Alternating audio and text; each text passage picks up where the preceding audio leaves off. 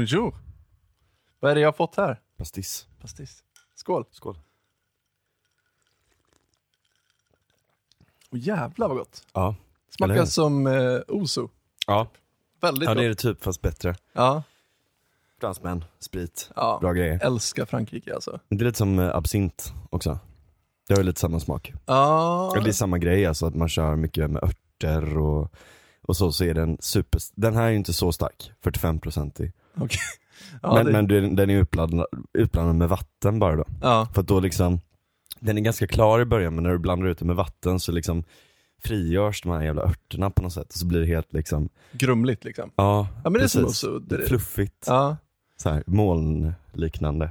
Absint har jag inte druckit på säkert 15 år. Jag tror att jag, jag drack det på, när jag tog studenten. Mhm. Eh, men sen dess har jag nog inte druckit det någon Det är gång. många som tror att man ska shotta absint. Okej, Det ska man ju verkligen inte göra. nej jag kommer inte ihåg hur jag gjorde. Ska man inte tända typ en... Eh... En ska- eh, sockerbit Ja, på eld. precis. Precis, man, man, man tar upp, man lägger liksom en sockerbit över med en sked, eller en Ja. sån specialgrej typ. Eh, och så, eller man dränker den lite i absint och sen tänder man eld på den. Mm, För absinten brinner ju som fan liksom. mm. Ja. Eller något sånt. Va- varför gör man det? Jag har ingen aning. Nej, inte jag heller. Men jag har sett, eh, vad, heter, vad heter det? Fransmän som alltid måste komplicera saker och ting. Ja. Jag har en tes om det. Absint och tända eld på sockerbitar. vänta lite, jag ska, jag ska göra klart min poäng först. Ja, ja, men vi kan komma tillbaka till den. Men har du sett eh, From Hell med eh, Johnny Depp? Den filmen som handlar om Jack the Ripper. Nej. Då dricker han bara absint och röker opium. Hela filmen. Alltså, Ja. fan vad gött. ska säga. Metrologi. Metrologi. Och vad var det sa du? Alltså, mät. Man kan ju tänka sig, met, inte meteor, met, meteor, utan Nej. metrologi. Okej. The scientific study of measurement. De var ju liksom ganska tidigt ute med det här och var så här: det här är ett kilo. Ja, just liksom. det. Och det Mm. mycket sådana här saker. Finns det inte typ en meter i Paris? Jo, Typ, eh, de har sparat typ, jag Just vet inte om det. är typ den första metern eller någonting. Ja, jag vet inte. exakt. Liksom, ja, ja. ja men de var, de var väldigt tidigt ute med allt sånt där. Och jag tror att det har influerat hela det samhället. Mm. Dels liksom deras ständiga byråkrati, det är så vik- jävligt viktigt med byråkrati hela tiden. ja. Dels det, men också väldigt mycket deras matkonst. Mm. Alltså, och, och dryckeskonst och allt sånt där. Det ska vara en jävla process när man häller upp absinten. Ja. När man eh, lagar mat så ska det vara två millimeter. Liksom, hack, eh, löken eller morötterna liksom ska hackas två millimeter. Det är väldigt mycket, vä- väldigt mycket sådana grejer hela tiden liksom. Eh, på ett ganska onödigt sätt. Ibland är det ju jävligt bra, men ibland är det helt onödigt. ja. Ehm, Du gillar det här italienska när man bara går på höft, exakt, höfta lite. nonna style Ja. som det kallas. Bara där. lägg in kärlek så blir det bra liksom. Ja men precis Amore. liksom. Men det, alltså, det handlar ju inte om hur jävla litet, alltså, folk, folk är så nitiska där, man ska liksom hacka lök så jävla litet Ja. och sådär, men jag menar vad fan du kokar ju, eller, eller du liksom steker ju och kokar eller vad fan du gör med löken, då Ja. behöver du inte göra det. Nej, precis. En till filmreferens, Goodfellas, när Just de det. är inne i fängelset Ja, där. och skär vitlök. Med rakblad. Ja. Man bara, men sluta. He would, um, uh, he would cut it so thin that it would Ja, precis. Och jag älskar Ray Liottas röst i den, eh, ja det är väldigt bra. Ja, väldigt bra. Mm. Men, ehm, Hur är läget med dig? Jo, det är bra. Det är bra. Jag, ehm, jag försöker att planera för, eh, för livet. Ja, jag, eh, jag ska skjuta upp min kandidatuppsats lite mhm. ehm, faktiskt och skriva klart den i augusti för att det är så jävla mycket bra grejer att utforska helt enkelt. Och Mm. så kände jag att äh, jag skulle kunna bli klar med den men det finns ingen riktig poäng att stressa för min del. Nej, just det. Ehm, och så du vet så här, jag skrev upp mig till massa sommarkurser men alla är ju fucked nu för att det finns ju liksom inga så här, finns inga sommarjobb eller det finns, många jobbar ju kanske besöksnäring eller säsongarbetar och sånt på sommaren. Just det. Eh, och massa saker runt det där men det, det, är liksom, det är så jävla osäkert nu så att det är ju ingen som får någon anställning. Nej. Så att även om jag har, jag kollar jag hade någon sån här meritvärde 961 av 999 eller något sånt. Okej. Reservplats typ 400. Åh jävlar. Okej.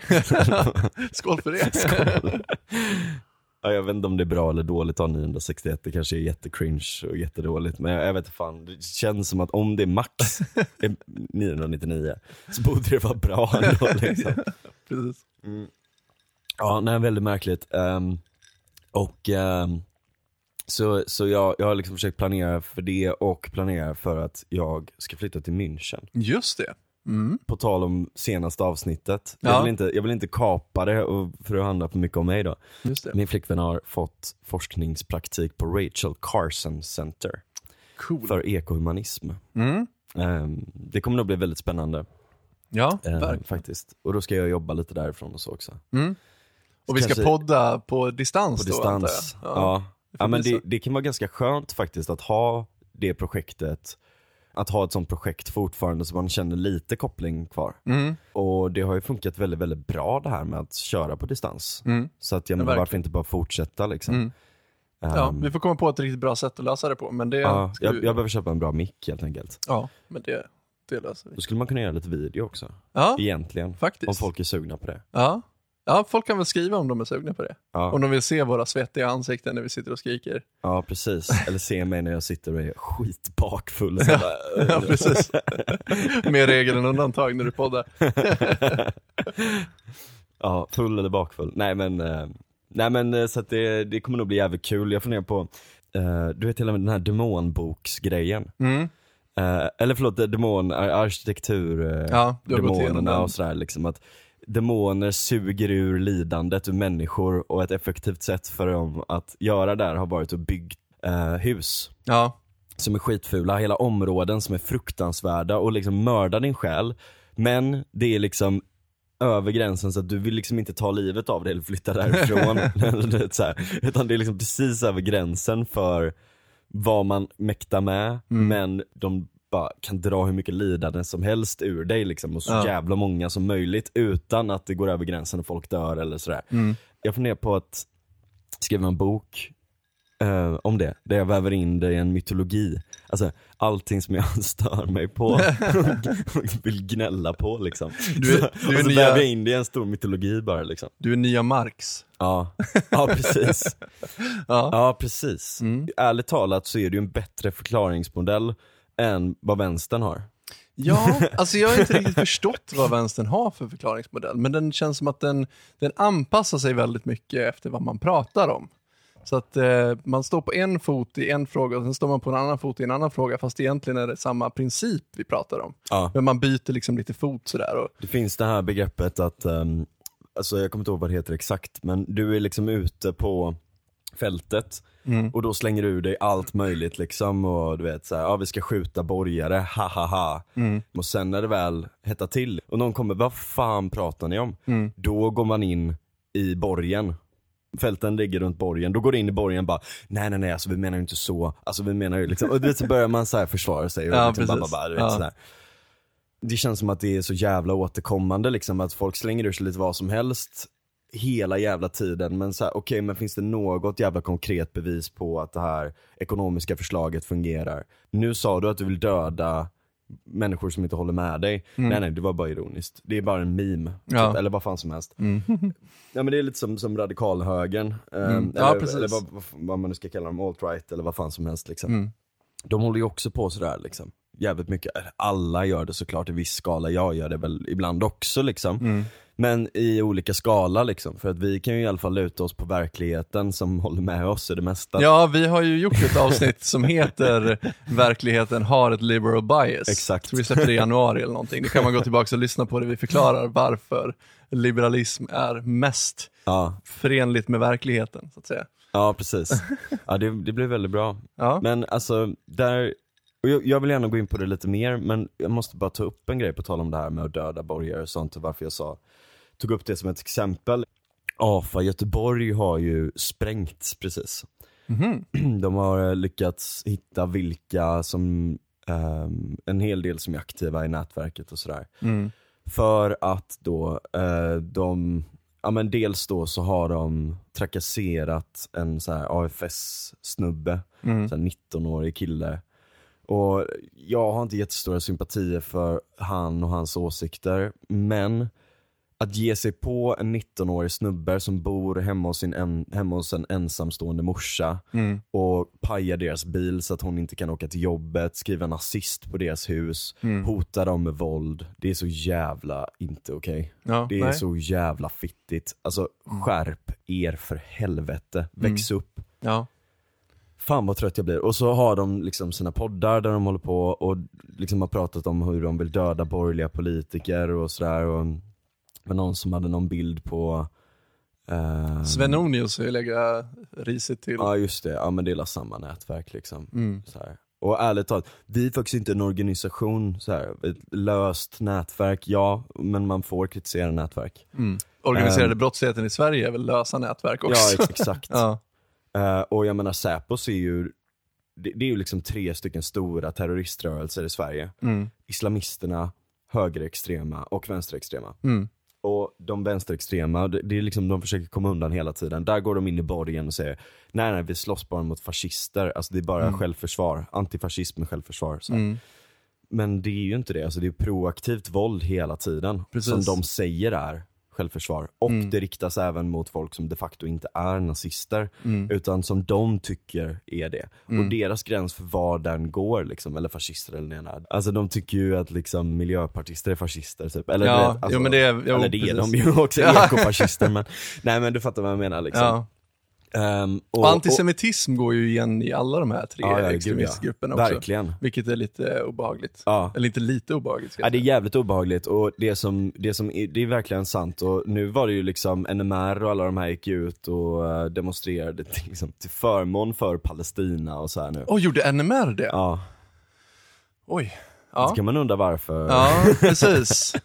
Men och det där är Och, konstigt. jo, jo, och inte bara det, eh, Fridays for Future, alltså Gretas eh, Ja. småpåvar, eh, eller biskopar eller vad man nu ska säga, de gick ut med någon sån här riktig blod och jord-grej liksom. Att, sån här essentialistiskt kopplat till mark och de är martyrer som dör för Palestina och la la la. Alltså, Oj jag jävlar. får nästan ta upp Det är, och näst, alltså, det är riktigt jävla creepy alltså. Ja, verkligen alltså. Mm. Lyssna på det här. Imperialist support from the US and other countries including Canada.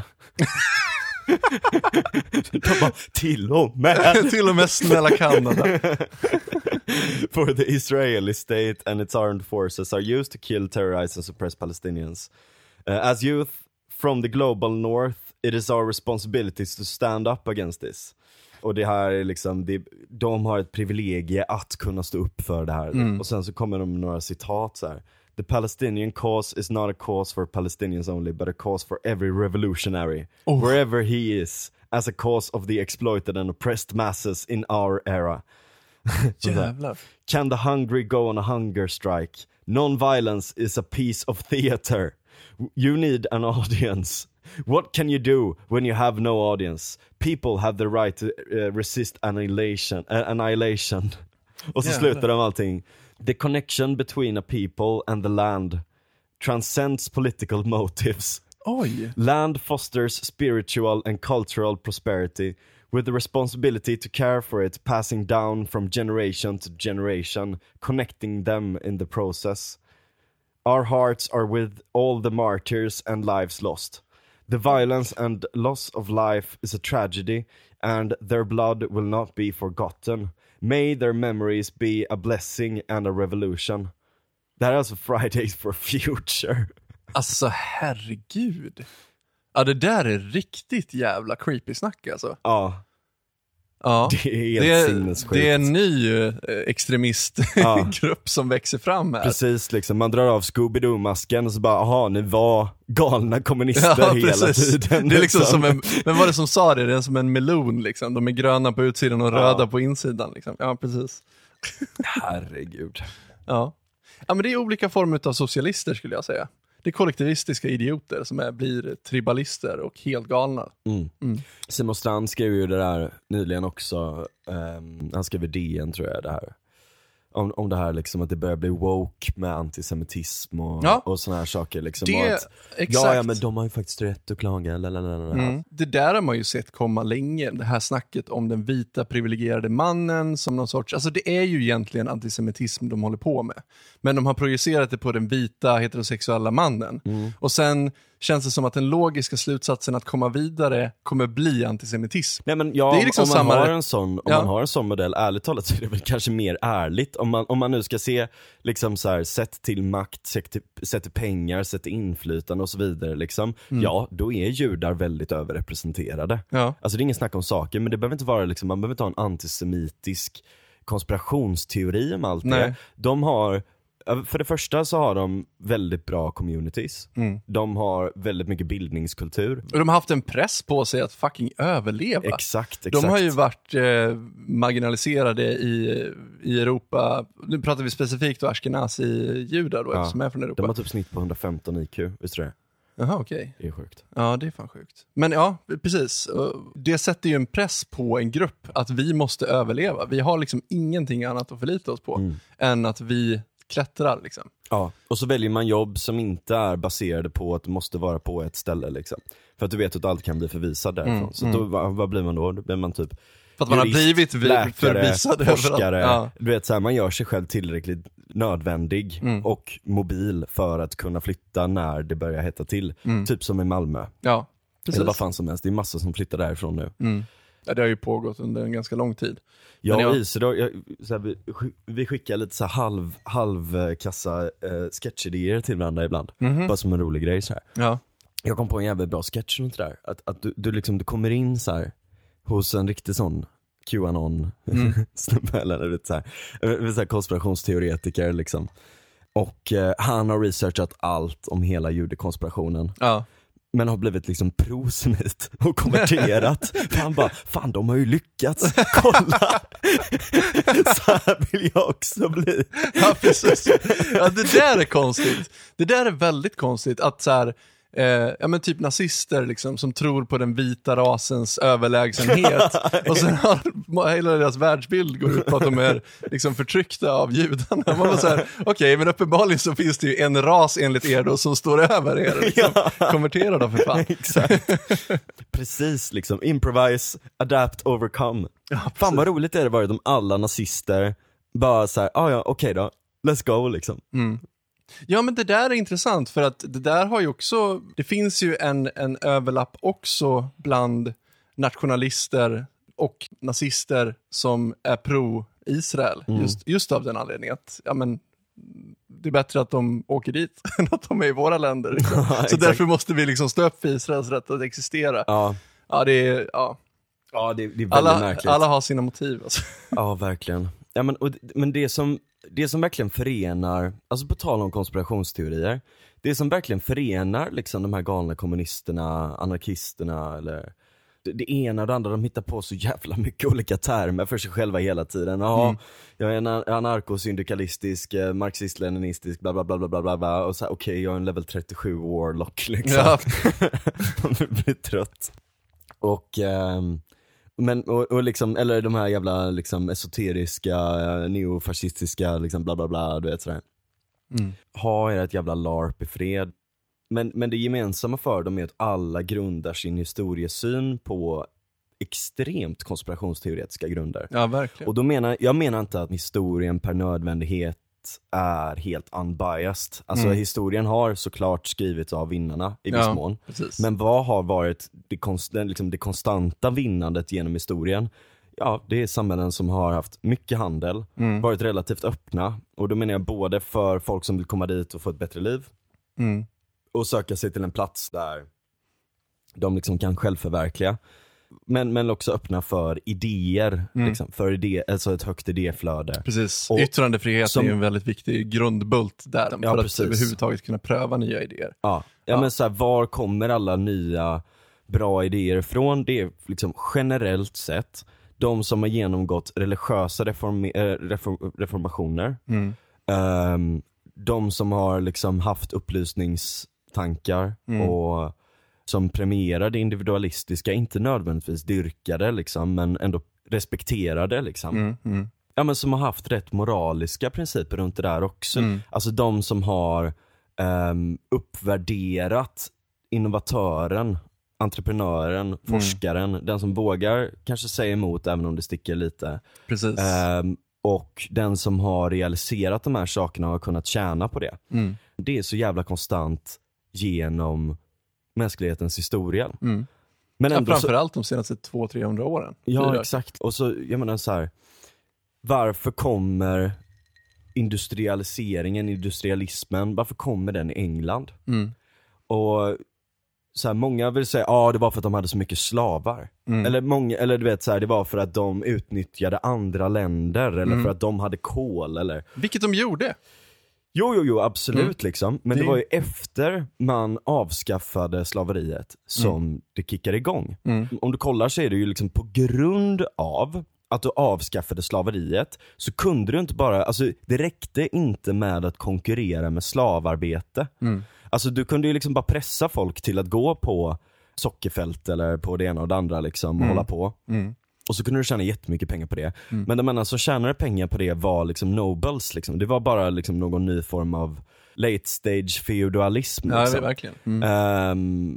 För Ja. Det var de som ägde land eller sådär. Eller, eller så var det staten, det var imperialistiska projekt också Ja, ja, att etablera sig utomlands och sådär. Mm. Eh, och absolut, så här, det har ju en, en grad av handel i sig, Mm. kopplat till sig. Mm. Men expansionen var, den var imperialistisk Mm. och den var missionerande. Mm. Det vill säga att man ville utöka sitt imperium och det fanns även väldigt mycket tankar om att man ville rädda de här savagesarna. Alltså mycket så här välvillig rasism och eh, väldigt mycket från kyrkan och sånt också, att man ville konvertera de här liksom och så vidare. Och så. Mm. så att det var ju liksom framförallt imperialistiska anledningar liksom. Men Mm. alla, alltså så jävla många liksom hävdar ju att det bara handlar om kapitalism. Ja. Men jag menar Det kapitalism hade ju varit att handla med dem. Ja, precis. Ja, för det är ju det som är grejen. Alltså, förutom att slaveri är ett moraliskt helt förkastligt sätt att göra någonting på, så är det ju ett ekonomiskt sämre sätt att göra någonting på. Precis, och det är ju det som händer då. Att Alltså när man avskaffade det, när man inte bara kunde konkurrera på det, då var du tvungen att konkurrera genom nya innovativa sätt att driva din verksamhet. Vare sig Mm. det var din farm eller om det var en, eh, ett, ett företag som producerade saker eller vad fan som helst. Du var tvungen att innovera, alltså det enda sätt som du kunde tjäna mer pengar än någon annan på, det var att göra det bättre. Mm.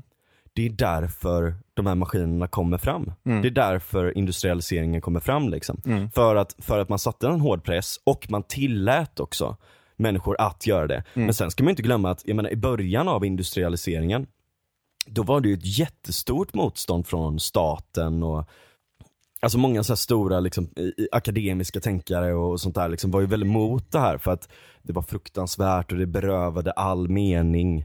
Mm. Eh, och, och det ruckade på hela världsordningen och, Mm. och jag menar det gjorde ju det och jag menar kolla Nietzsche sätter ju ord bra på det liksom att så här, och många andra sätter bra ord på det också liksom att när vi började inse att så här, shit vi kan göra saker och ting själva, eller när folk, alltså när, Mm. när the common man började göra det Ja. och vi började få liksom en växande borgarklass som även liksom många tidigare bönder kunde ansluta sig till. Många arbetare kunde gå in i det här liksom och inte vara fast på sin gård generation, generation, generation utan att det hände någonting. Mm. Och det enda man kunde tjäna på, det var eh, genom arv av Mm. gården. Mm. Vilket gjorde att man höll familjerna små, klanbaserade i princip. Mm. Av dels då kusin, alltså när vi förbjöd kusingifte, Mm. då, eller avsluta det här med Nietzsche, det här med Gud är död liksom, det var ju det vi fann. Mm. Liksom hela den här ordningen som har varit nu i tusentals år av att allting är centrerat runt eh, Gud och runt kungen och runt allt det här och Mm. runt eh, the noblemen och allt sånt liksom. Ehm, då, då följer de grejerna liksom och Mm. folk insåg att som sagt vi kan göra saker själva. Men i alla fall, när katolska kyrkan förbjöd kusinäktenskap och incest och lite sådana här saker, då, det var ju då som man splittrade de här klanbaserade grejerna eh, och du kunde inte längre hålla gården bara inom familjen genom att en patriark eller en matriark kunde liksom välja vem som skulle gifta sig med vem och så vidare. och så vidare. Mm. Eh, vilket framförallt var fruktansvärt för kvinnor, Mm. eh, som ofta var de som blev bortgifta. Liksom. Mm. Eh, när, man, när man monterade ner det så var ju tvung, fler personer tvungna att söka sig in till städer och bli livegna. Eh, och gå bortom det här med att bara hålla på med jordbruk och faktiskt producera saker och ting. Liksom. Mm. Ehm, I kombination då med att liksom man börjar rucka lite på det här, du börjar få banker i Italien Eh, den första liksom, kapitalismen börjar träda fram. Medici till exempel, som, som kommer från liksom, en gammal, kan man säga plural för doktorer typ. Mm. Um, så antagligen så har de väl varit lärda och sådär men vad jag förstår så är de ju inte nobles innan utan de är framförallt handelsmän liksom. Mm.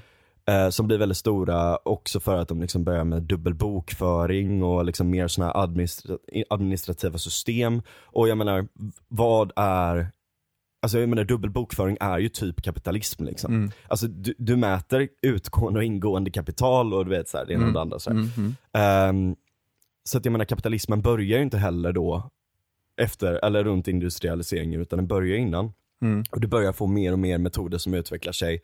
Och de länderna som tillåter det här så mycket som möjligt, som inte har luditer, som inte går runt och pajar de här sakerna eller förbjuder dem liksom. Mm.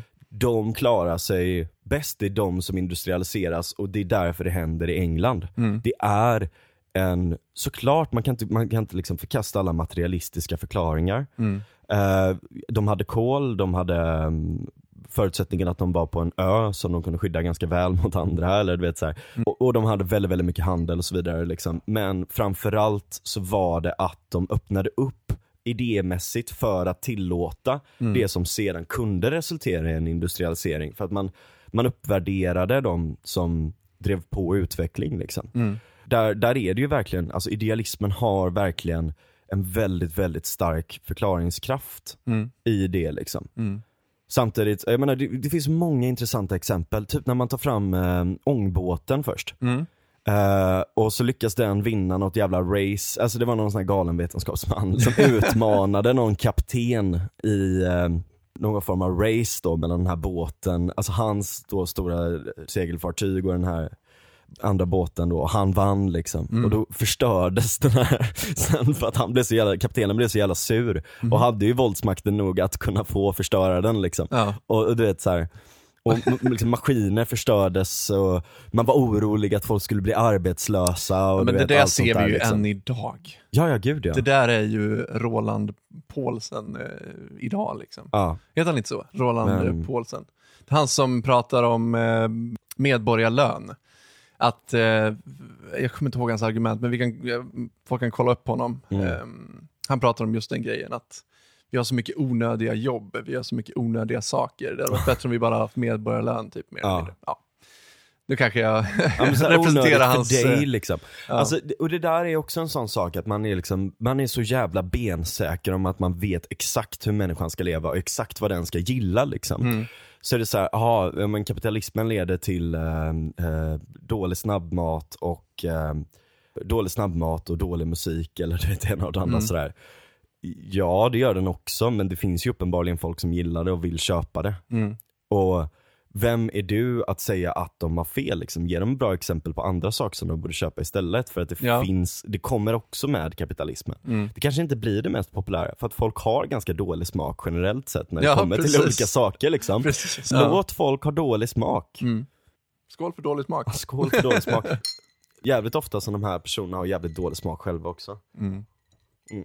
Det är bara det de förväntas i någon form av elitistisk konstruktion om vad de bör gilla som är det viktiga. Liksom. Ja, precis. Det är så jävla mycket dåliga teorier runt alla de här grejerna. Liksom. Och nu senast så här, Viktor Pressfeldt som skriver liksom. Eh, han, och han, han, kan inte du förklara vem det är?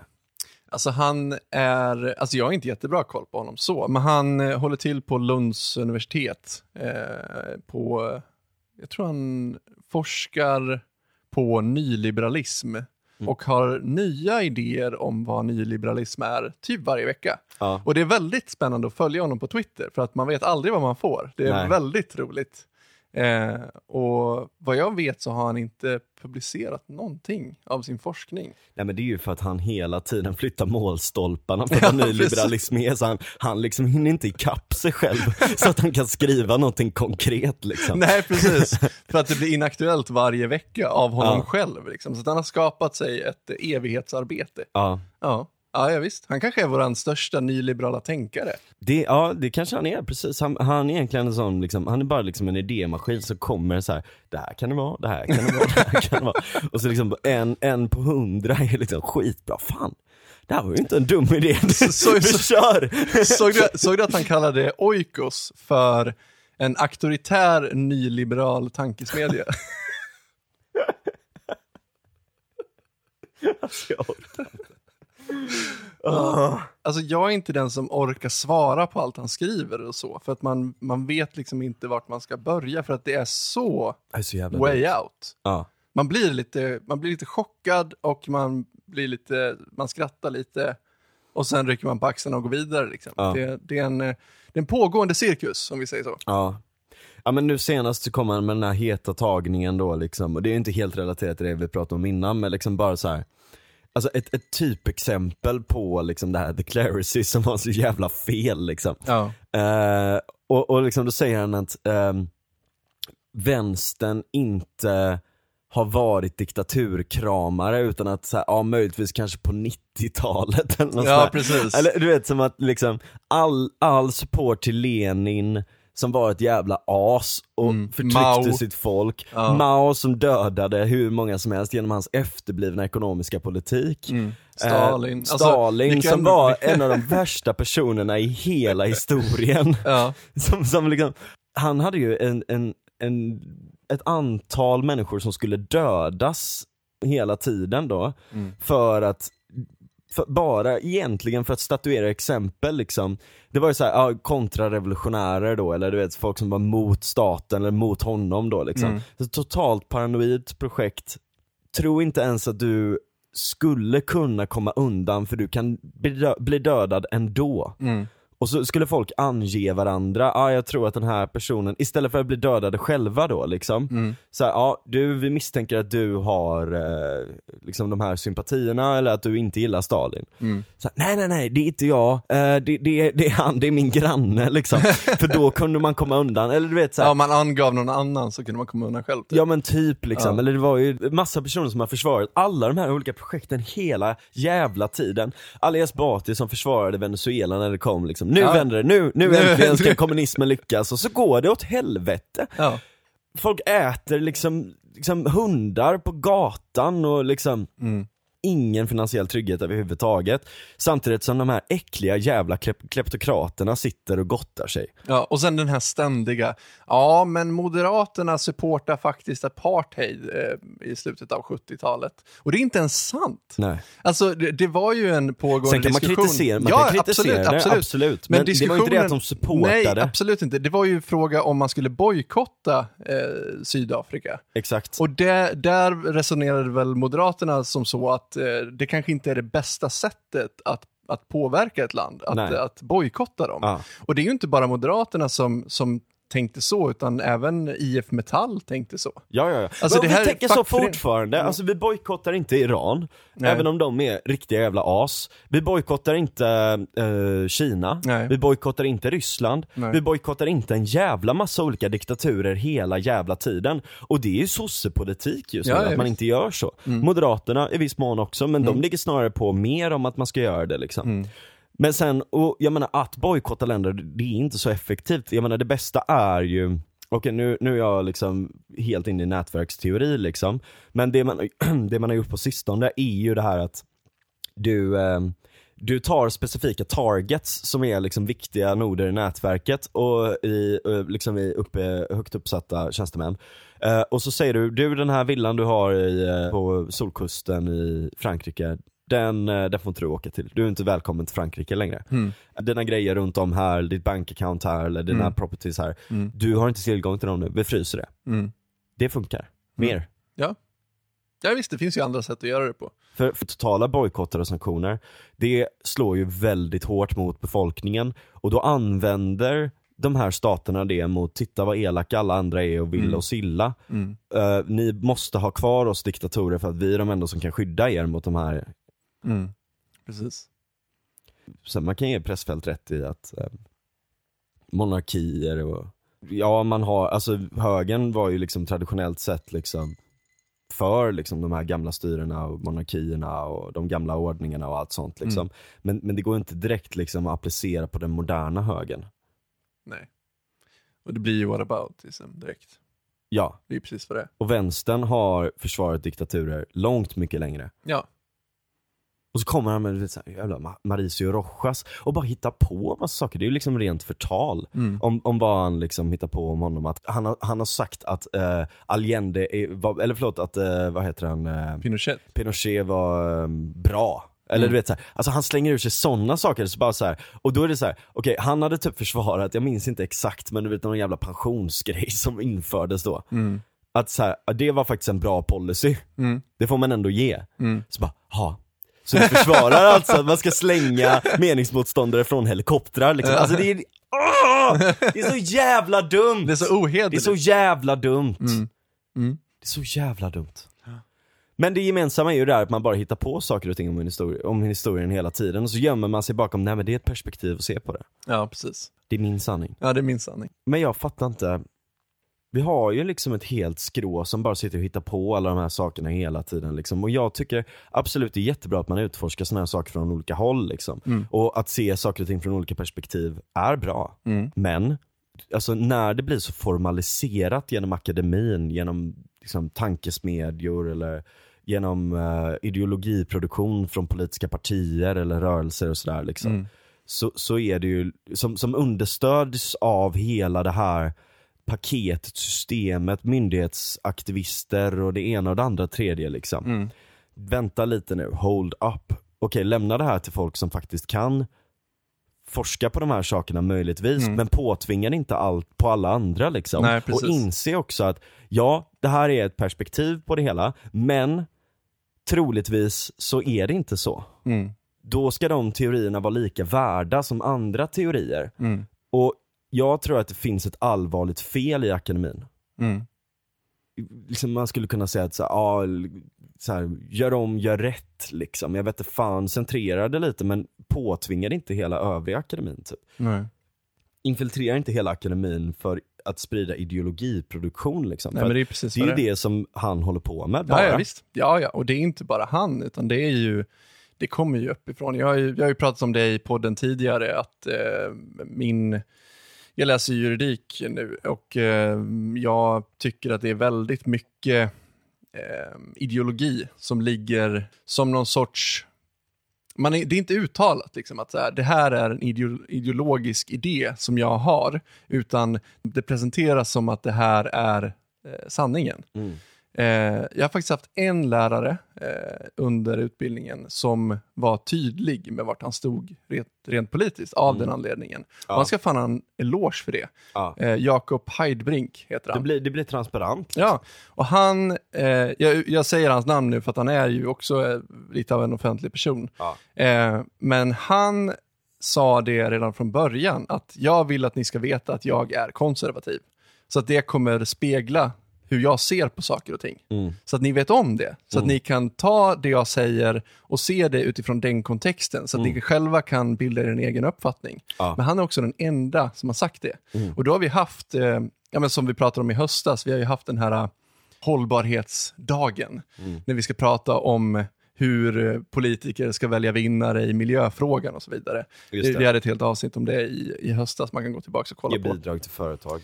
Ja, precis. Och nu senast så, så skulle vi gå igenom, jag läser familjerätt just nu, och då eh, är det en del av den eh, kursen som handlar om mäns våld mot kvinnor. Inte våld i nära relationer, utan mäns våld mot kvinnor, för att man presenterar det som så att eh, våld i nära relationer, alltså våld som kan ske mellan vilka kön som helst i en nära relation, det är en underkategori till mäns våld mot kvinnor.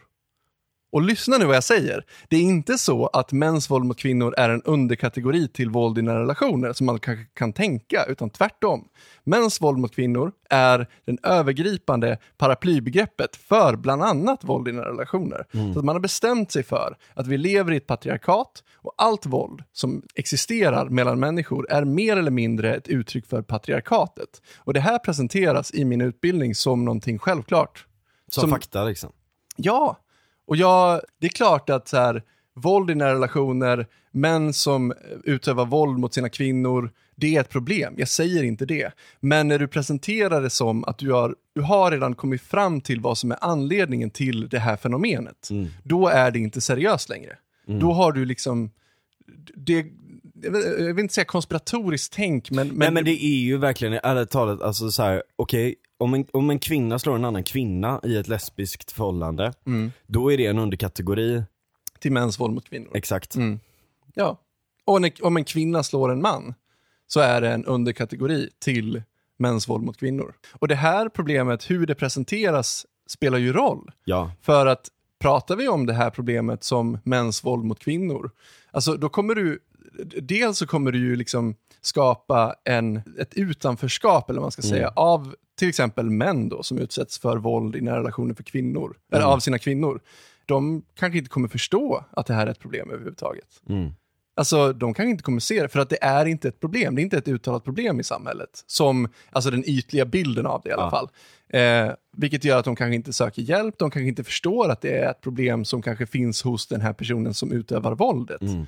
Ja, vi, vi, det har vi också pratat om på den tidigare, men, men det är något så enormt provocerande för mig tycker jag. Eh, Alltså jag, jag blir galen. Nej men, och, och jag menar så här, om du är en organisation, säg att du är liksom Sveriges kvinnolobby och du vill fokusera på en sån fråga. Ja, Kör. fine.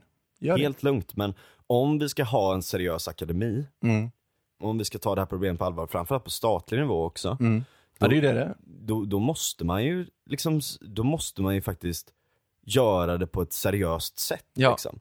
Och sen, jag menar, och, och jag menar i, liksom, om du har det som en överkategori, våld i nära relationer, Mm. då kanske det är så att mäns våld mot kvinnor är det största problemet. Absolut, det och kan du vara kanske det. bör ge mest resurser till att motverka det. Mm. Men det kan du göra utan att du håller på med de här jävla semantiktricksen. Liksom. Ja, precis. Ja, ska du utreda en sån sak och förstå vilka mekanismer som ligger bakom så kan du ju inte vara biased redan från början och bestämt Nej. dig för att du vet redan vilka me- mekanismer som ligger bakom. Ja. Att det är ett patriarkat vi lever i och det är ett uttryck för det, punkt. Ja. Och det är inte bara liksom våld i nära relationer som är en underkategori till, till mäns våld mot kvinnor, utan även porr är en sån som vi fick lära oss är också ett uttryck för mäns våld mot kvinnor. Ah. Prostitution är också det. Och det är liksom så här, ja, jag kan, delvis, absolut. Jag skulle kunna tänka mig att, ja, delvis, absolut. Men inte bara. Det är Nej. inte, det är inte så enkelt. Ja, det här är en radikal feministisk infiltration som har pågått under väldigt många, många år och det har fått genomslag eh, långt in i akademin och i Ja. politiken och hela samhället. Ja, jo, men och, och det är ju det som är liksom det stora problemet i liksom inte bara med den frågan utan generellt sett så är det ett väldigt, väldigt stort problem med att det är så ideologiserat på många håll. Mm. Ehm, och, och, och grejen är att så här, jag tycker inte nödvändigtvis, liksom, och där skiljer jag mig från en, kanske en del vänner och sånt som tycker annorlunda i det. Jag tycker inte, jag tycker inte att det är problem att de perspektiven finns i akademin överhuvudtaget. Nej, nej. Men då får man vara transparent med det. Mm. Och så får det vara då får, det liksom, då får det vara någonting som finns i vissa discipliner. Liksom. Mm. Men det här med att man ska liksom förklä det av någon falsk objektivitet. Ja, det är det som är problemet. Ja. Mm. Och det, det är ju lite ironiskt att det blir lite konspirationsteoretiskt att prata om det på det här sättet. Men ärligt talat så handlar det ju mest bara om Problemet är att det inte är transparent, att det är liksom att det får fortsätta och att det inte har, det finns liksom inte så mycket checks and balances på, Nej. på det liksom, på institutionerna heller för att det är väldigt mycket aktivism där också. Ja. Men generellt sett så är det ju, det är, som, alltså det, det är så jävla svårt tycker jag att förstå folk som är kommunister och socialister idag liksom. För att det är ju liksom att leva i, alltså för det första så behöver du ha en väldigt komplicerad invecklad konspirationsteori om historien för att vara det. Ja. Det vill säga att nej, det har alltid varit någon annans fel, det har aldrig, aldrig varit socialismens fel, utan Nej. det är bara yttre faktorer hela tiden. Mm. Och så pratar man om, ja du vet det kan komma med massa olika teorier om varför Sovjet var dåligt sådär. Eh, och skylla på, på alla andra olika liksom, men Alltså om du verkligen kollar, hur såg produktionen ut i, det finns en, en rolig liknelse och det är liksom expertsystem då. Eh, och ett, exper expertsystem är liksom någon form av, eh, kan man säga, beslutsträd där liksom, givet att X så det här, Mhm. givet att Y så det här. Och så liksom har du, liksom, lägger upp datamässigt så liksom, att om det här händer så gör du det här eller så vidare. Liksom. Mm. Och det är lite så som de resonerade liksom i så här Du får sluta väldigt... säga liksom. Ja, förlåt. Just det, förlåt, förlåt. Vi har fått klagomål. Ja, ja, ja, just det. Du får, du får klippa bort alla. Precis. Sitter men- ikväll. Ehm, nej men... ehm, Förlåt, jag avbröt i Nej det är ingen fara, det är helt rätt, man får tänka på det. Ehm, nej men det är så de har organiserat väldigt mycket av sin ekonomi. Det finns ett väldigt bra exempel som Mattias Svensson tar upp i sin eh, lilla bok, uh, så här, någon liksom kort essä om, om kommunismen och sådär. Plan, vad vi kan lära om planekonomi. Just det, just ja. det. Ehm, och, och, så, och det är från en fabrik där man eh, skulle producera skruvar. Och först hade man ett mål på antal skruvar, eller spikar eller något sånt där. Mm. Eh, så först hade man ett mål på antal, Mm. vilket gjorde att man gjorde pytte pytte pytte pytte små. Man får vad man frågar efter. ja exakt liksom. Eh, och, och sen så här, nej nej nej men det är volym, vi ska, total volym ska vara stor. Mm. Då gjorde de jättestora. Ja, precis. så här, och, och, så, och så fortsätter det där. Eh, och och det, det, liksom liknelsen förs till det här med, ehm, det, finns en, ett roligt sånt klipp med en pappa som ska instruera eh, sina barn i expertsystem då. Eh, så de ska skriva ner på en lapp vad han ska göra. Han ska bre en macka Mm. med jordnötssmör och sylt. Mm. Och så ska de skriva ner exakt hur han ska göra det här. Mm. Du vet, han så här stoppar kniven i burken och drar burken över så här, stick the knife in the peanut butter and spread it on the bread typ. Så Ah. tar han hela burken och gör så. Ah, okej. Alltså du vet så här.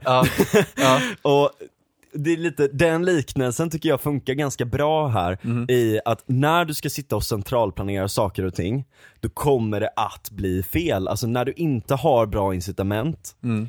när, du, när, när folk inte måste faktiskt producera någonting bra för att det ska bli någonting. Mm. Ehm, och när det inte liksom tvingas att stå på sina egna ben så kommer det att bli dåligt. ja. Varför är det ett stort rostbälte i, eh, både i, i Sverige och i, ehm, USA. i USA Mm, och sådär? mm. Jo men det är väldigt mycket för att man subventionerade de här grejerna väldigt, väldigt mycket. Till den graden att de inte blev konkurrenskraftiga längre.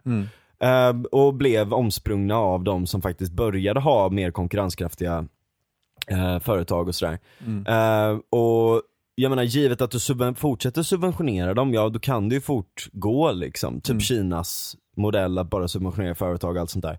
Men Kina kommer ärligt talat inte på så jävla mycket saker själva. De har ju massa industrispionage Ja, ja. och deras tillväxt är väldigt, väldigt stor del baserat på eh, att dels har de kommit ikapp Um, så att de har ju snott tidigare grejer och, och gjort nya saker av det, skitit i immaterialrätt och allt sånt där Mm. och bara snott massa Ja. genom industrispionage och sånt liksom.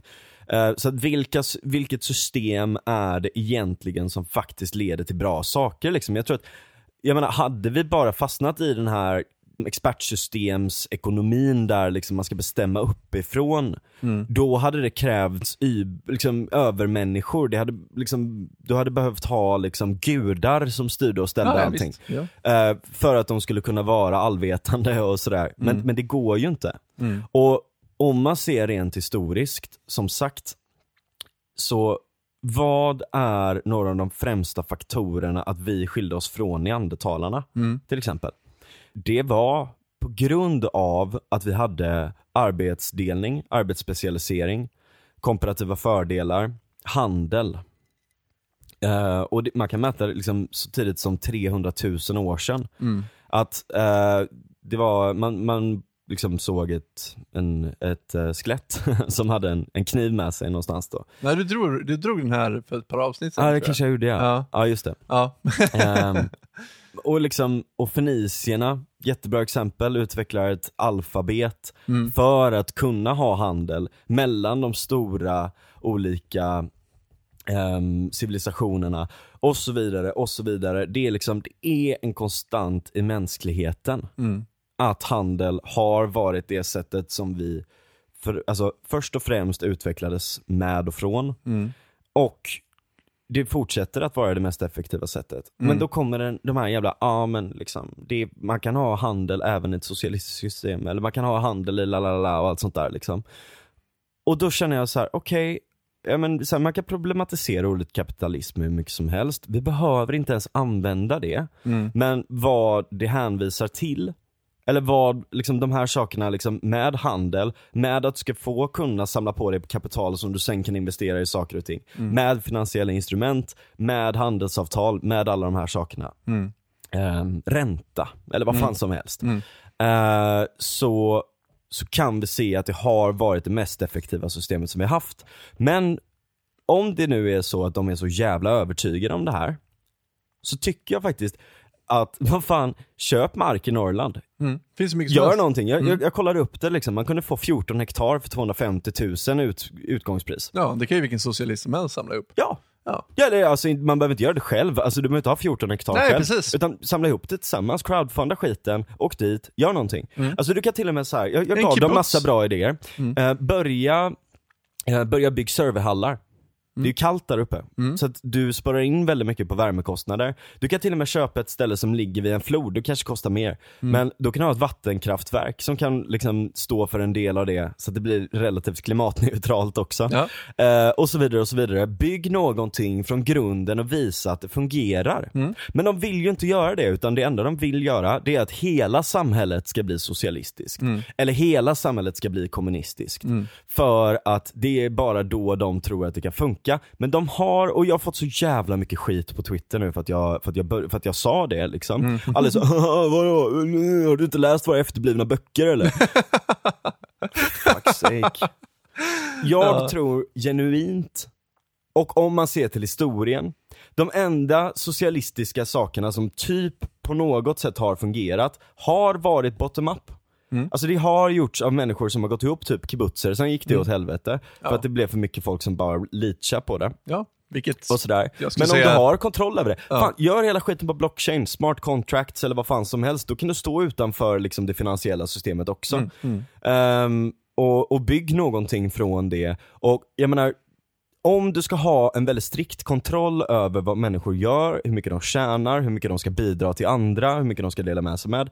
Eller om du ska äga allting tillsammans i någon form av stor konstruktion. Mm. Då har det en väldigt dålig skalbarhet. Mm. Det går inte att göra på en jätte, jättestor skala för att det är omöjligt att beräkna det. Mm. Möjligtvis om du har någon form av jävla super-AI typ.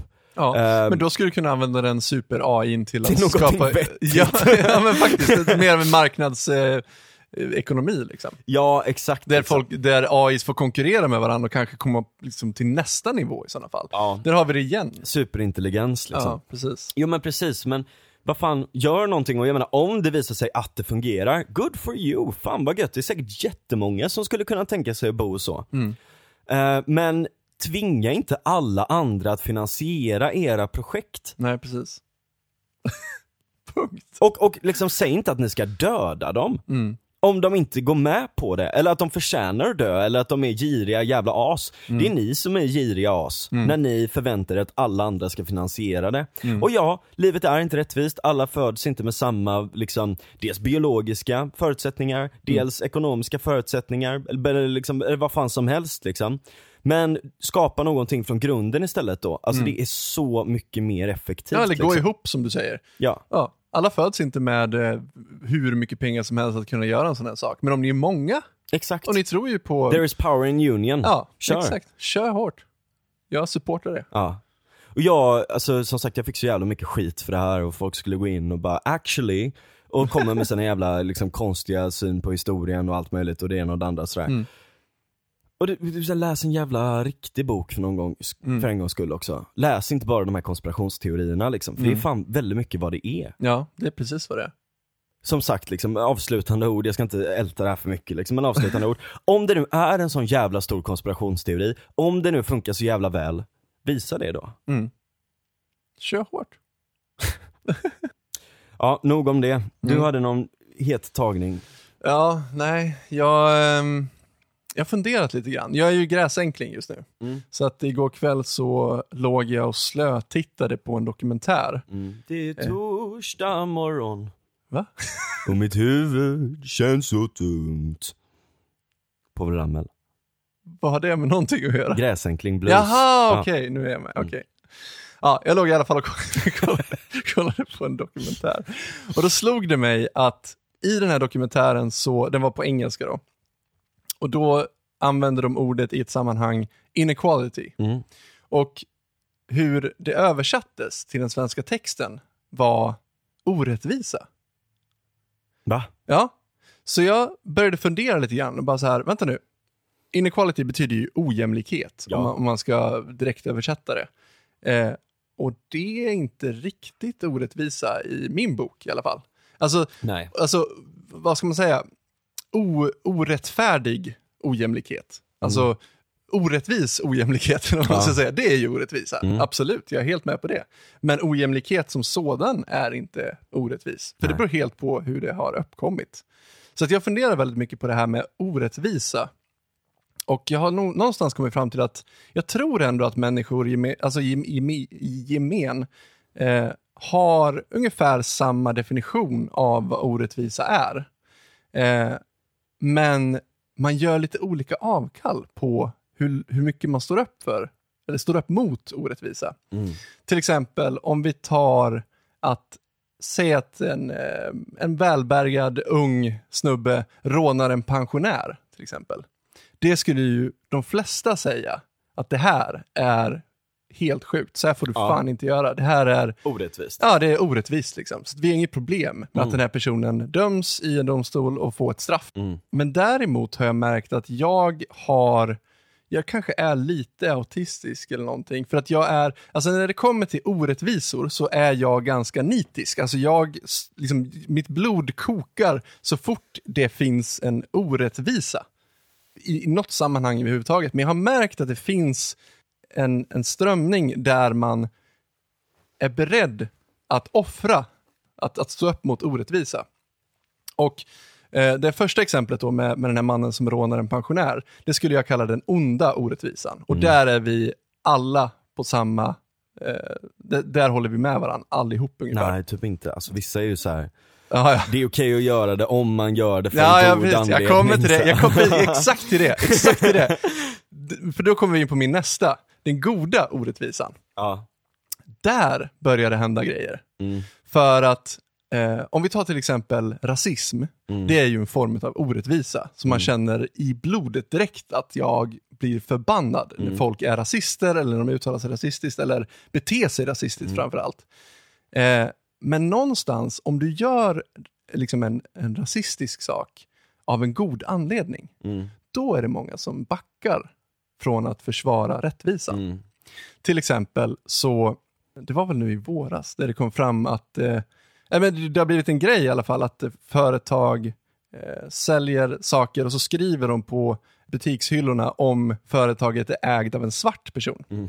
Det är så jävla sjukt. ja, precis. Så att så här, vita medelklassmänniskor kan känna sig lite duktiga om de köper utav den svarta företagsägaren Mm. Ja, istället precis. för någon Nazister annan. slipper göra det. Ja, precis. Ja, och det här är ju i grund och botten rasism. Ja. Du särbehandlar någonting, eller någon, en person utifrån dens hudfärg. Mm. Men du gör det ur ett gott syfte. Mm. Och då tycker folk att det är en bra sak. Mm. Så att då gör man avkall på att stå upp mot orättvisa för att man tycker att det är någonting gott. Mm. Och det är väldigt spännande. Ett exempel på det här, som, alltså det här är ju någonting som går igen i kulturkriget väldigt mycket. Att vi har å ena sidan de som är mer som jag, att man hatar orättvisor orättvi liksom, oavsett vart de dyker upp. Och sen har vi de som gör avkall på att stå upp mot orättvisor för att det finns någonting gott med orättvisan. Ja. Eh, ett exempel på det är Jordan Peterson. Mm. Och för er som inte vet vem han är så kan jag knappt förklara vem han är. Men han är, vad är han, psykolog eller psykiatriker? Han, Ja, Jaha, så då. pratar som Kermit. Precis. Och han blev ju känd typ över en natt för att han stod upp mot orättvisan som han tyckte det. Eh, I att man skulle lagstifta om att man skulle vara tvungen att använda särskilda pronouns. Jag vet inte vad man säger på svenska. eh, pronomen. Pronomen. Pronomen. Det var ganska lätt att direkt översätta. Och hans invändning var att eh, det är en jävla skillnad på att eh, inskränka yttrandefriheten och säga det här får du inte säga. Alltså typ, du får inte för, förneka förintelsen till exempel. Det är en sak att förbjuda det här får du inte säga. Mm. Men när staten går in och säger och liksom lagstiftar om vad du måste säga, Mm. då har vi gått över en ganska allvarlig gräns. Mm. Och det är viktigt att stå upp mot den här eh, inskränkningen, eller vad man ska Mm. kalla det. Compelled speech, som han kallar det. Mm. Så det blir en yttrandefrihetsfråga Mm. som han försvarar och säger att nej, det här är inte okej Mm. överhuvudtaget. Och då blev ju stormen liksom att "Åh, han är transfob, han, han hatar transpersoner och, och bla bla bla. Och han var uppe i, i en så här Senate hearing i, i Kanada, för han är från Kanada.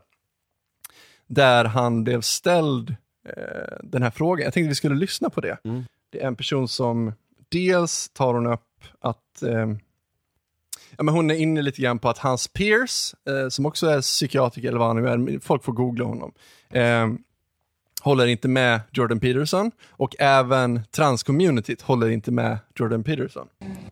Thank you, Chair, and thank you both of you for being here.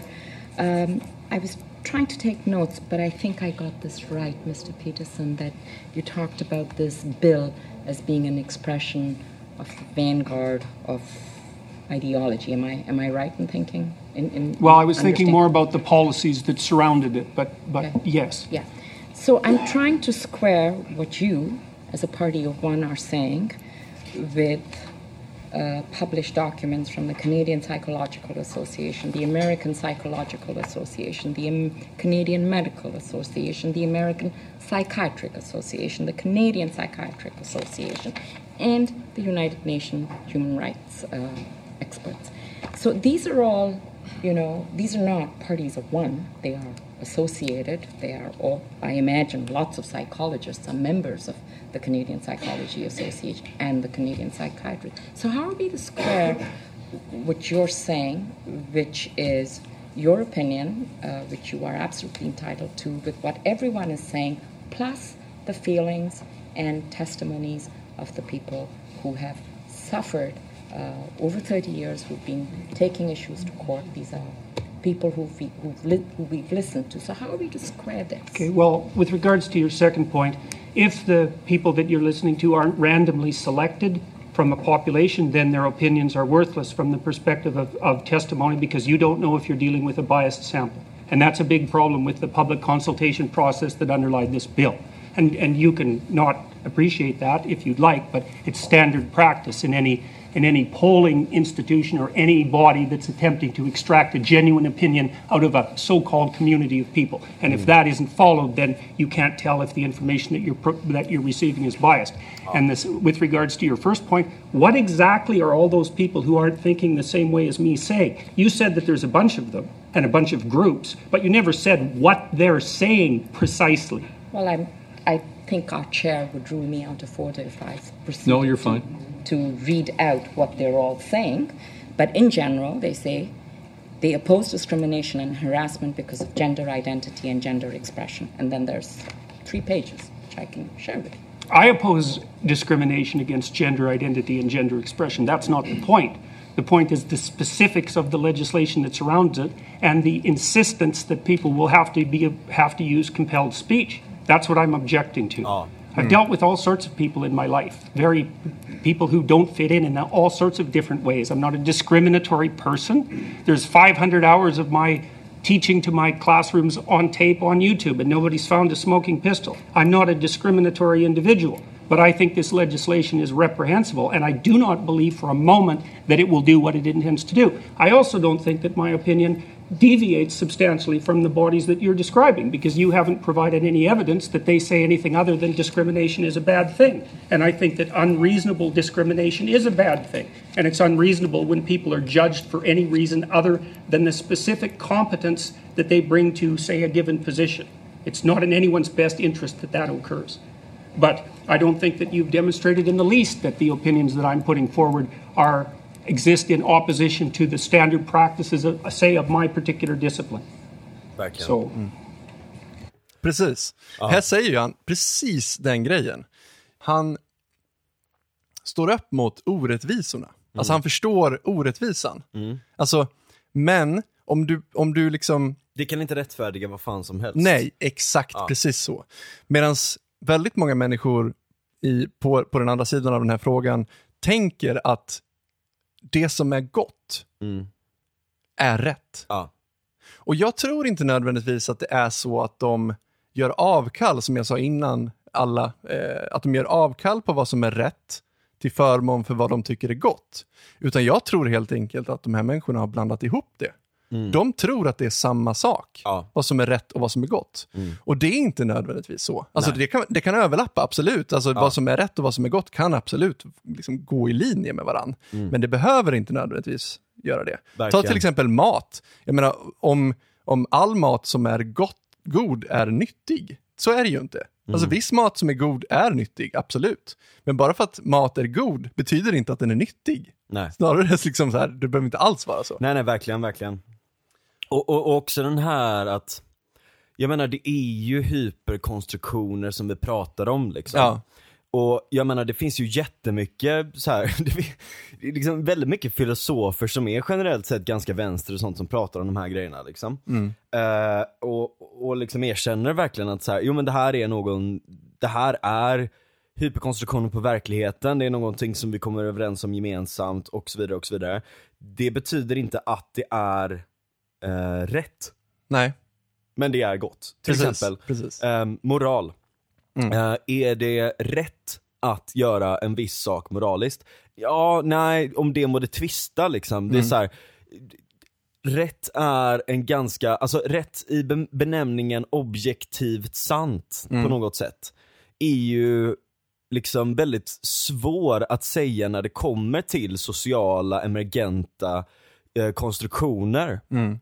Ehm, att ja, det, man kanske bör eh, göra en viss sak. Mm. Man, man, man bör inte eh, med mening säga att någon är Nej. en man eller kvinna eh, om de definierar sig som någonting annat. Mest av fucking common decency. Ja, Liksom. Men när du har liksom. våldsmonopolet i ryggen, Precis. då är det en annan fråga vi pratar Ja. om. Och det måste man kunna förstå skillnaden på. Men Ja, det gör verkligen. inte folk. Och det är det här som stör mig så mycket. Alltså jag är ingen så här Jordan Peterson liksom fanatiker överhuvudtaget. Men jag stör mig på när man blandar ihop begreppen och Ja, eh, jag, skulle säga det, om du frågar random person om Jordan Peterson så är deras bild präglad av det här. De Mm. tror, ah, okej, han, är det han transfoben från Kanada liksom. Ja. Jag ska läsa, ehm, han var ju i Sverige. Åh nej. Han var ju i Sverige för, eh, vad är det, tre år sedan snart. Ja. Och var med i Skavlan med Annie Lööf. Ja, det var jätte, Åh, det var så pinsamt, jag skämdes, skämdes så jävla mycket. Ja, alltså. jag med. Men i alla fall, då, då har vi de här grindvakterna då som, eh, jag, ja, jag, jag, ska, jag ska läsa upp det här en text utav Jenny Strömstedt. Ja. Jag ska välja några, några delar ur hennes text. Men hon börjar alltså säga så här. Han får ännu mer uppmärksamhet trots att flera av hans livsråd upprepats av inhyrda motiva- motivationstalare på varje företags kickoff sedan livscoacherna slog igenom. Dessutom blir någon arg. Ja, ja, visst. Dessutom blir någon arg oavsett vad jag skriver eftersom hans följare är mindre upptagna av råd nummer ett om att sträcka på sig och mer av budskapet att det inte existerar något patriarkalt för kvinnoförtryck samt att en transperson som vill använda ett annat pronomen än han eller hon inkräktar på yttrandefriheten. Det är alltså så här hon lägger upp det. Hon förklarar inte alls vad det handlar om. Nej. Utan hon får det till att Jordan Peterson då skulle tro att om någon annan vill kalla sig för någonting annat än han eller hon så är det en alltså att inkräkta yttrandefriheten. Och det är ju en sanning med modifikation. Jag ska läsa lite, mer, lite längre ner här. Ska jag se. Peterson säger att man ska behandla sin nästa så som sig själv, men vägrar transpersoner respekten att definiera sitt pronomen. Hans följare släpper fram sitt hbtq-hat istället för att inleda en diskussion om var de egna mänskliga rättigheterna slutar och medmänniskans tar vid. Om jag någonsin träffar honom ska jag pröva att kalla honom för Johanna. Åh, det här är så jävla ohederligt så att man kräks. Jag, jag säger att det är ohederligt för att jag tycker att om man ska skriva en sån här text i Expressen så bör man veta vad man pratar om. Och jag är inte säker på att hon vet det. För det första. Antingen så vet hon inte det. Eller så vet hon inte skillnaden på vad som är gott eller, och vad som är rätt. Nej. Utan hon har blandat ihop det. Och då blir det en kamp om att det som är gott, det är alltid rättfärdigat. Ja. Och det spelar ingen roll vad det kostar. Precis, och, och där kommer en sån sak, på tal om perspektivism eller på tal om perspektiv och sånt i allmänhet liksom.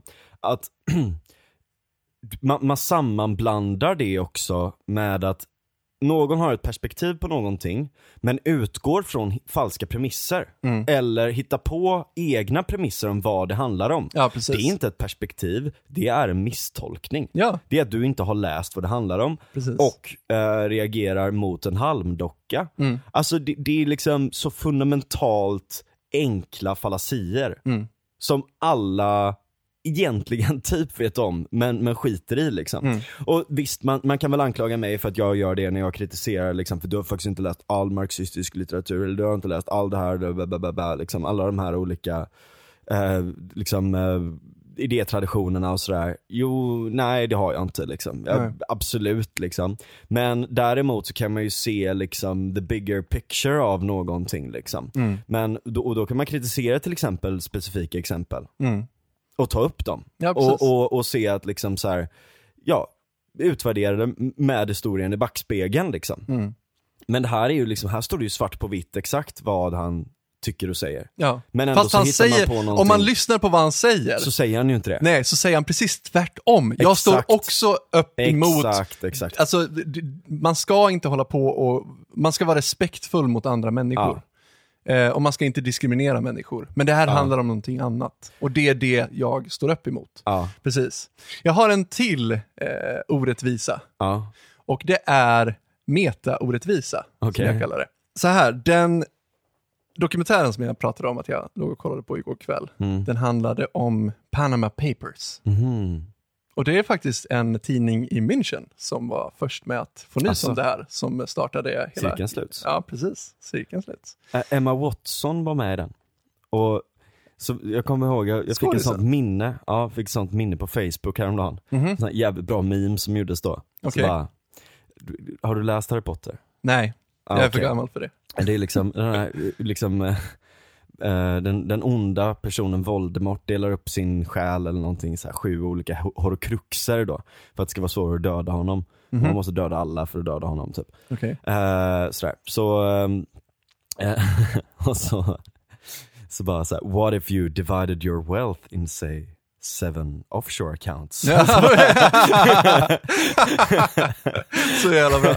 Ja, men kort eh, om Panama Papers, det var ju precis som du säger, att eh, det kom fram att det var väldigt mycket rika personer, högt uppsatta politiker, eh, Som inte ville betala så mycket skatt. som inte ville betala skatt i de länderna de bodde i och därför startade eh, företag och eh, konton i Panama framförallt, eller utomlands, eh, där de flyttade sina pengar och, och en av de här var ju Lionel Messi, Mhm. fotbollsspelaren. Mm. Och han fick ju, ja det blev ju ett jävla liv.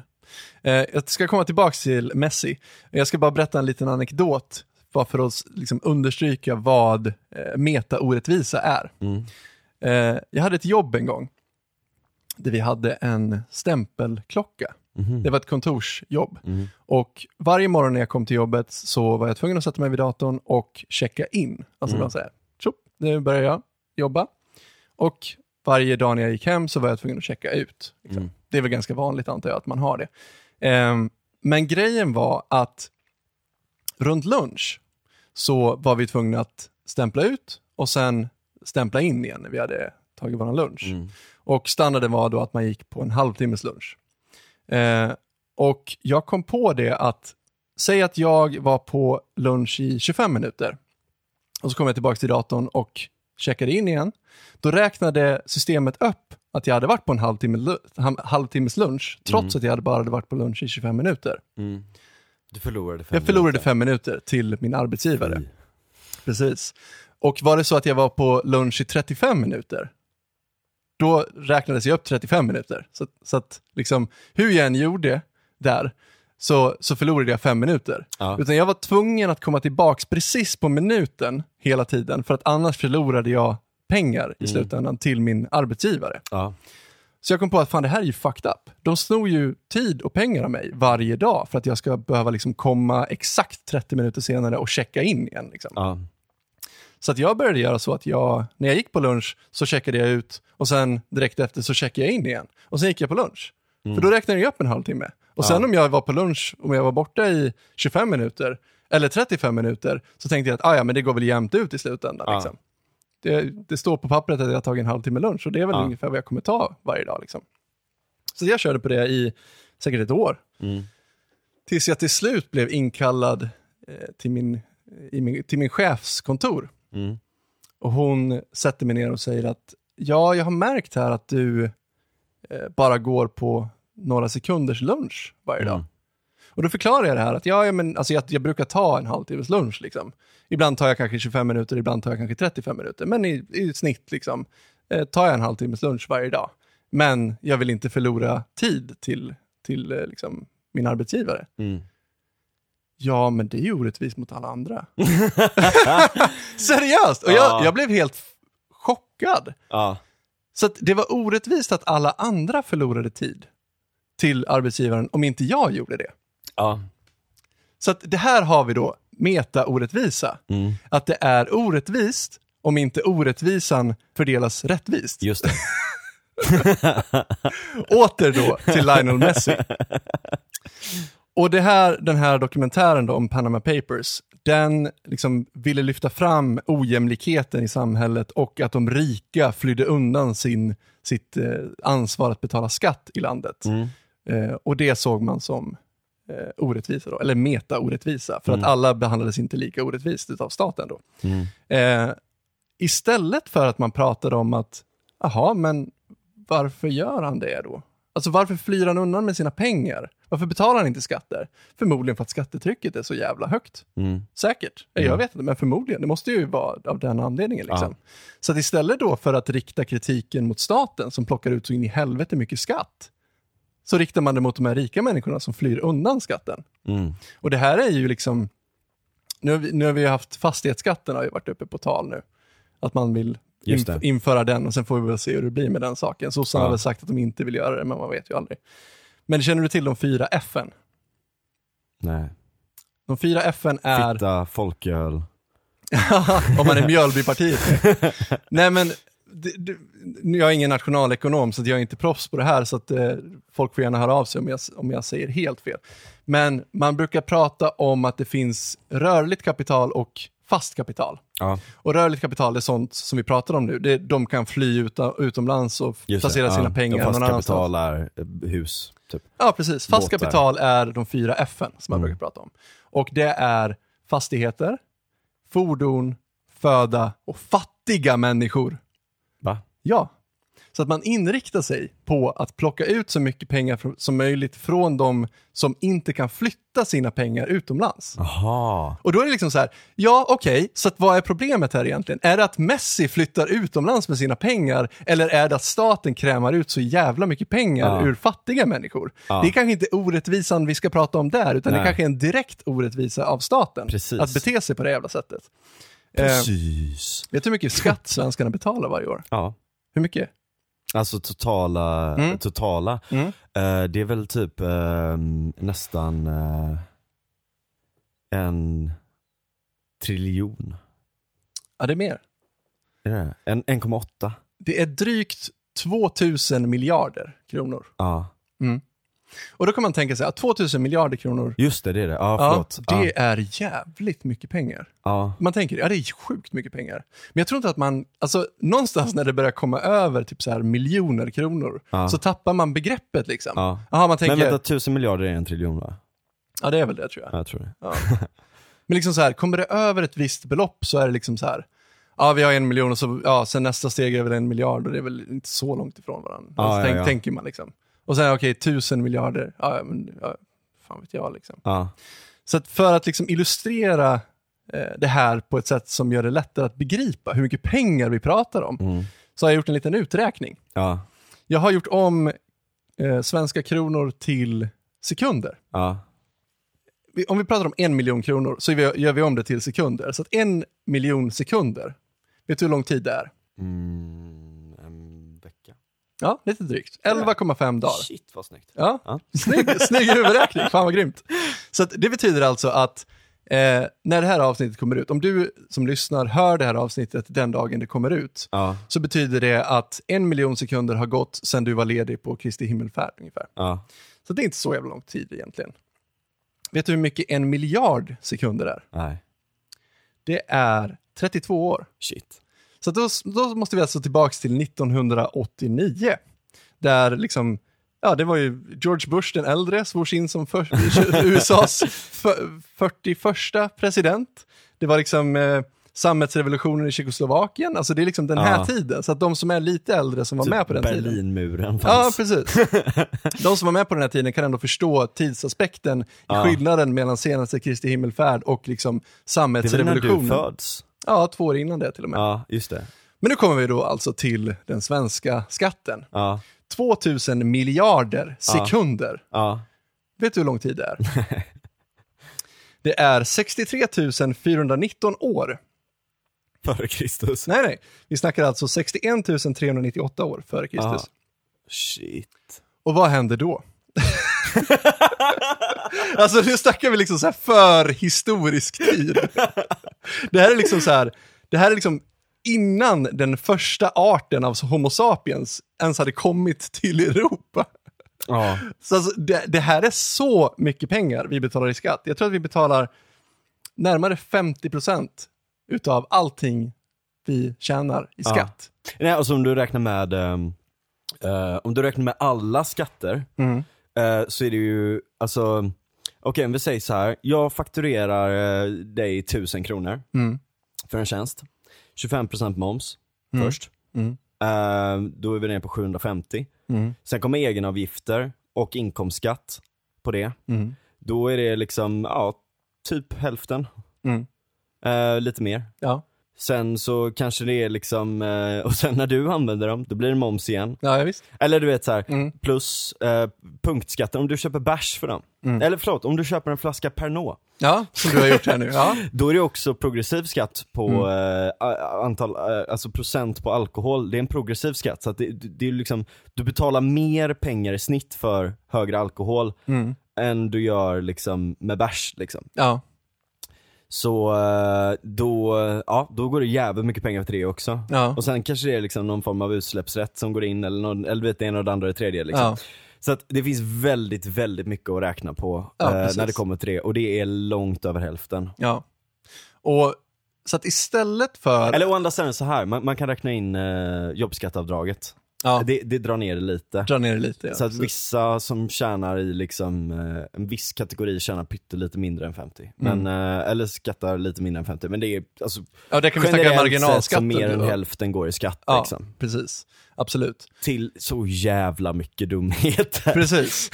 Så att vi kanske bör prata om det. För det är väl den största orättvisan i sådana fall. Och då, Ja. då är liksom så här, svenskens reaktion nu är ju liksom så här, men vad, vad då? Alla måste väl betala skatt? Det är, ju, det, det är ju så vi finansierar den offentliga sektorn med skola och, och sjukvård och allting sånt. Och ja, det är sant till viss del. Men jag skulle säga att i Sverige så är det inte därför vi betalar skatt. Vi betalar skatt för att det är syndernas förlåtelse. Det är någon Ja. sorts religiös grej. Det är någon Ja. sorts självspäkelse. Ja. Där man känner att så här, det räcker liksom inte med att jag har gjort livet bättre för en annan person och i gengäld har den personen gjort mitt liv lite lättare och lite bättre. Det räcker inte, utan det är Mm. Nej. en synd i sig. Och för att få Exakt. syndernas förlåtelse så måste du betala in skatt. Eller som vi säger, göra rätt för, Mm. Göra rätt för oss. Det är syndernas förlåtelse. Ja, precis. Det är coolt att betala skatt. Ja. Det var inte Mona Sahlin som sa det. Nej, det var, eller det kanske det var. Ja, jag tror det. Ja. Ja, men det, är- det är nog, eh, vad fan heter hon nu igen? Magdalena Andersson sagt också. det kan jag tänka mig. Dumma jävel. Ja. ja, men alltså, någonstans så, så, det här är ju lite sjukt. Och, jag menar, och då kan man prata återigen om ojämlikhet som orättvisa. Ja.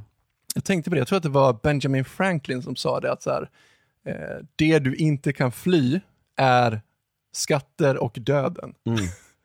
Men låt säga då att vi pratar om döden. Mm. Låt säga att någon skulle komma på att så här, fan, Nej nej nej, du, det... Ja, vänta nu. vänta nu. Vi kommer få ett, ett, ett, ett piller som gör att du blir odödlig. ja. Du kan käka det pillret och så slipper du, du kan undkomma döden. Liksom. Ja.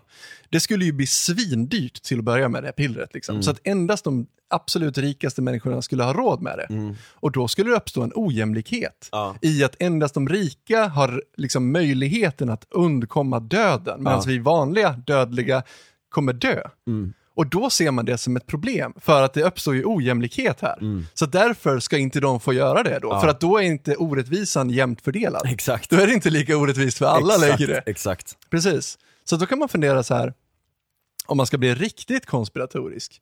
Kan det, vara, kan, det, kan det vara så att det finns botemedel för cancer där ute, men att det skulle vara så ojämlikt om det kom ut på marknaden, att man stoppar det? Nej, Då, då, hade, då hade rika, män, rika människor inte dött i cancer, Nej, de gör. precis. Exakt. Nej, jag vill, det är jag ville ganska bara, bra litmus, eller så här, är ganska bra sånt liksom, test på det liksom. Ja, ja, precis. Jag ville bara göra, Ja. ta, ta deras argumentation här och bara, ja, du fattar. Du Ja, jag fattar. fattar. Ja, det... Nej men verkligen, och givet tid så skulle ju det pillret gå ner också liksom i, i, i kostnad och sådär. Och jag menar den, men till den, en början den vara etiska ojämlikt. diskussionen har man ju om, eh, eh, man har ju det om genterapi och sånt nu. Mhm. Alltså du vet att du, om, som, om, om x antal år så kanske vi kan rent teoretiskt sett, eh, alltså CRISPR-edita eh, foster så att de inte har ärftliga sjukdomar och det kommer vara dyrt i början, det kommer inte vara tillgängligt för alla. Nej. Men om vi tillåter det, Mm. Eh, alltså det kommer ta längre tid för det att bli tillgängligt för alla, Mm.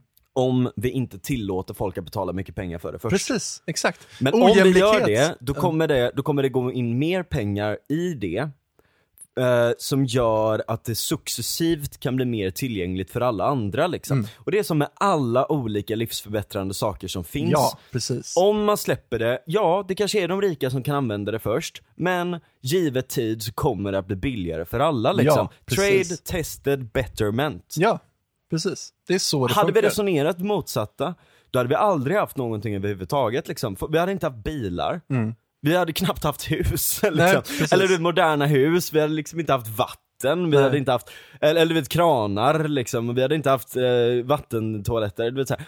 Eller i alla fall så hade det tagit jävligt mycket längre tid innan vi hade fått det liksom.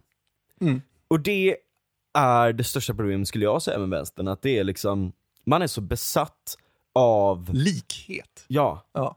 och inte, alltså man är så besatt av ett tidsperspektiv som är momentalt. Precis. Alltså nu, idag, Mm.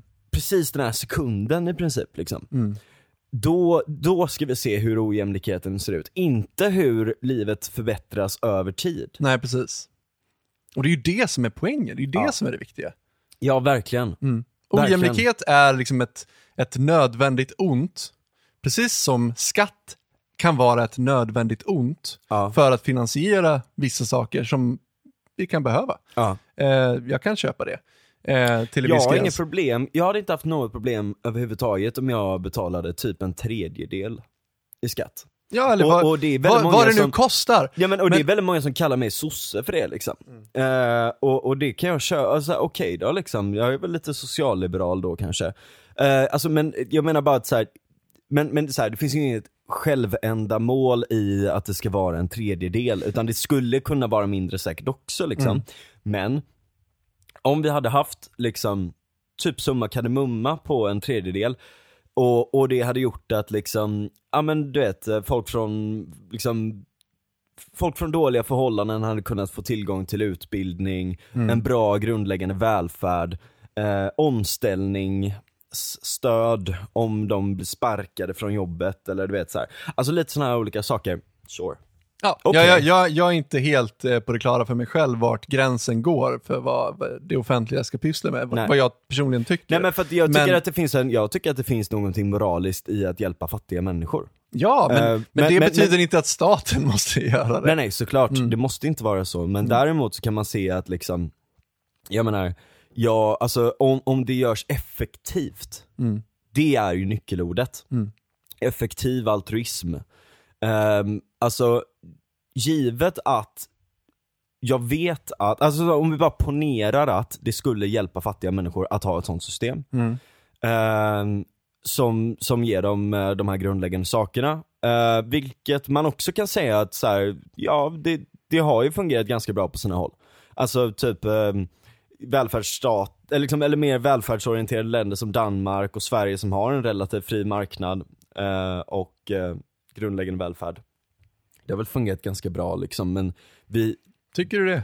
ja, ja alltså internationellt Statens- sett. Ja, Nej men internationellt statens- sett så har det fungerat ganska bra, absolut liksom. Men det betyder inte att vi behöver ta ut så jävla mycket skatt som vi gör i dagens läge och lägga det på så jävla mycket strunt. Hade vi inte gjort det, utan bara fokuserat på de här bra, effektiva, altruistiska sakerna, då hade vi antagligen presterat bättre. Så att, jag menar man kan ha liksom flera tankar i huvudet där samtidigt liksom. Ja, och, och, och liksom så här, alla är ju inte folk som bara kan liksom ta sig i kragen och starta ett företag och bli rika liksom. Nej. Eh, och, och det handlar inte om en negativ människosyn utan en realistisk människosyn liksom. Att det är många som vare sig vill eller kan. Nej, precis. Och, och liksom det, det får man ju ha stor respekt för liksom. Och jag har verkligen inget problem med att en del av det som jag tjänar kan gå till att hjälpa fattiga människor. Liksom. Jag, jag tycker att, ärligt talat att det är liksom ganska moraliskt liksom. Givet att det fungerar såklart. Jag hade kunnat tänka mig att betala det till en, alltså frivilligt. Och det är ju det som är Ja. grejen, det är det som är grejen, det, det folk ofta säger, det, argumentet att säga, ja men vadå, tänk på alla fattiga om vi inte skulle ha så hög skatt liksom. Ja, men där i ligger någonstans lösningen på det problemet. Om du oroar dig för fattiga människor så har du ju fan kommit på halva lösningen. Ja. Ja, det, ja, det, är verkligen. ett, det är ett bevis på att det här kommer förmodligen lösa sig ändå. Men, men det där som är så jävla roligt också. Att liksom många av de som är högst, Men det handlar ju inte om som det. pratar mest om det, du vet, de, de skatteplanerar ju själva. De har ju Ja, jag liksom, vet. Du vet kulturarbetare Men det här- som ja, står och liksom, Timbuktu. det- Ja, exakt, exakt. Men det här, det här är, men det grejen är att det här jag handlar ju... gillar Jason som fan liksom, Ja. eller, du vet, så här, eller, Men jag, precis, jag gillar också honom. Ja, men, men det är ju liksom, det är så jag klandrar inte jävla honom. hycklande Jag liksom. klandrar inte honom. Skatteplanering är självförsvar. Ja, Ah, ja, ska vi runda av lite idag kanske? ja, jag var nära på att säga någonting dumt. Ja, det är kanske bäst vi Ja, rundar vi av. rundar av. Men eh, ska vi säga, det var länge sedan vi sa någonting om Patreon. Just det, ge oss pengar. Stötta oss på Patreon. ja, Stötta oss på Patreon. Nej men eh, faktiskt, eh, vi, vi har faktiskt, det har trillat in några Patreons. Ja. Det, och vi är så jävla tacksamma för det. Mm. Eh, vi gör ju inte det här primärt för att tjäna hur jävla mycket pengar som helst. Eh, utan för att vi tycker att det är jävligt kul och vi tycker att det är Alltså responsen från er är så jävla rolig liksom. Ja, det det är många som hör verkligen. av sig, Ja, verkligen. många som tycker att det är kul, många som klagar på att jag säger liksom hela tiden. Ja. Eh, och det, det är jättebra. Ehm, och sådär. Men, eh, men liksom om, Ja, om, ni, eh, om ni kan avvara en liten slant så, ehm, så hjälper det väldigt mycket. ja men så hjälper det jävligt mycket. Det, det, det, alltså vad fan, det, det känns som nästan dumt att säga det liksom men eh, det hade faktiskt, eh, det hade hjälpt eh, som fan liksom. För att ehm, om, man ska, göra- om vi ska fortsätta med det här långsiktigt och så, så är det ju kul att få, eh, få in lite frivilliga donationer. Precis, vi, vi tror på det. Ja. Ja, Jag måste säga en avslutande grej också. okej. En av mina eh, kompisar har släppt ett så jävla bra datorspel. Jaha, Ni som gillar datorspel, eh, det heter Just Die Already. Och det är sån jävla rolig upplägg. Mhm. Eh, alla zoomers har skapat liksom en diktatur där de är trötta på alla boomers Okej. och bara vill att de ska dö liksom. Vad fan, kom igen nu liksom. Så här, nu är det dags liksom. Eh, så det är liksom ett sandbox-spel där man springer runt i olika miljöer eh, som en, eh, en gammal person som är utlämnad till sitt öde. liksom. Och alla zoomers vill bara att man ska dra åt helvete och dö liksom. Ja. Eh, och eh, det är väldigt mycket rolig artwork, alltså mycket roliga ads, alltså låtsas-ads och sånt liksom. Där man pratar om liksom, eh, du vet horse tranquilizers, ketamin och liksom enkla sätt så här. Eh, så här får du en restraining order mot din jobbiga farmor. Väldigt mycket sådana roliga grejer. Vart och så hittar man- springer man runt eh, på Steam okej. kan Mm. man hitta det, Just Die Already. Eh, och eh, så springer man runt och det är sånt perfekt spel, vet, om man har tagit några bärs, man sitter och är jävligt flamsig med lite kompisar och snackar på discord eller vad fan som helst. Det är sånt som du kanske inte känner dig så eh, hemma vid. Men eh, eh, liksom, eller man sitter och flamsar, man vill spela någonting tillsammans, springer runt och dummar sig. Eh, det är jävligt roligt. Ja. Jag satt och spelade det här om dagen nu när det släpptes och det, det är faktiskt genuint så jävla roligt. Det är lite buggigt ibland, Mm. för att de har väldigt mycket så här eh, gore physics, alltså en armar kan flyga av, Ja, det okej. andra. Liksom. Det är Så kul. Ibland så liksom du, när du ska öppna någonting så kanske armen flyger av liksom. Ja. Men det blir lite sån, du vet så här. Alltså eh, oavsiktlig humor Ja, också liksom, så att it's not a bug, it's a feature nästan Ja. liksom. Eh, det är väldigt, väldigt kul. Jag tipsar er om det, det kostar en hundkatt typ att köpa. Eh, kolla in det eh, och eh, skriv om ni vill köra, så är jag på. Ja, grymt. Tack för idag. Tack för idag, ha det gött allesammans. Ha det gott.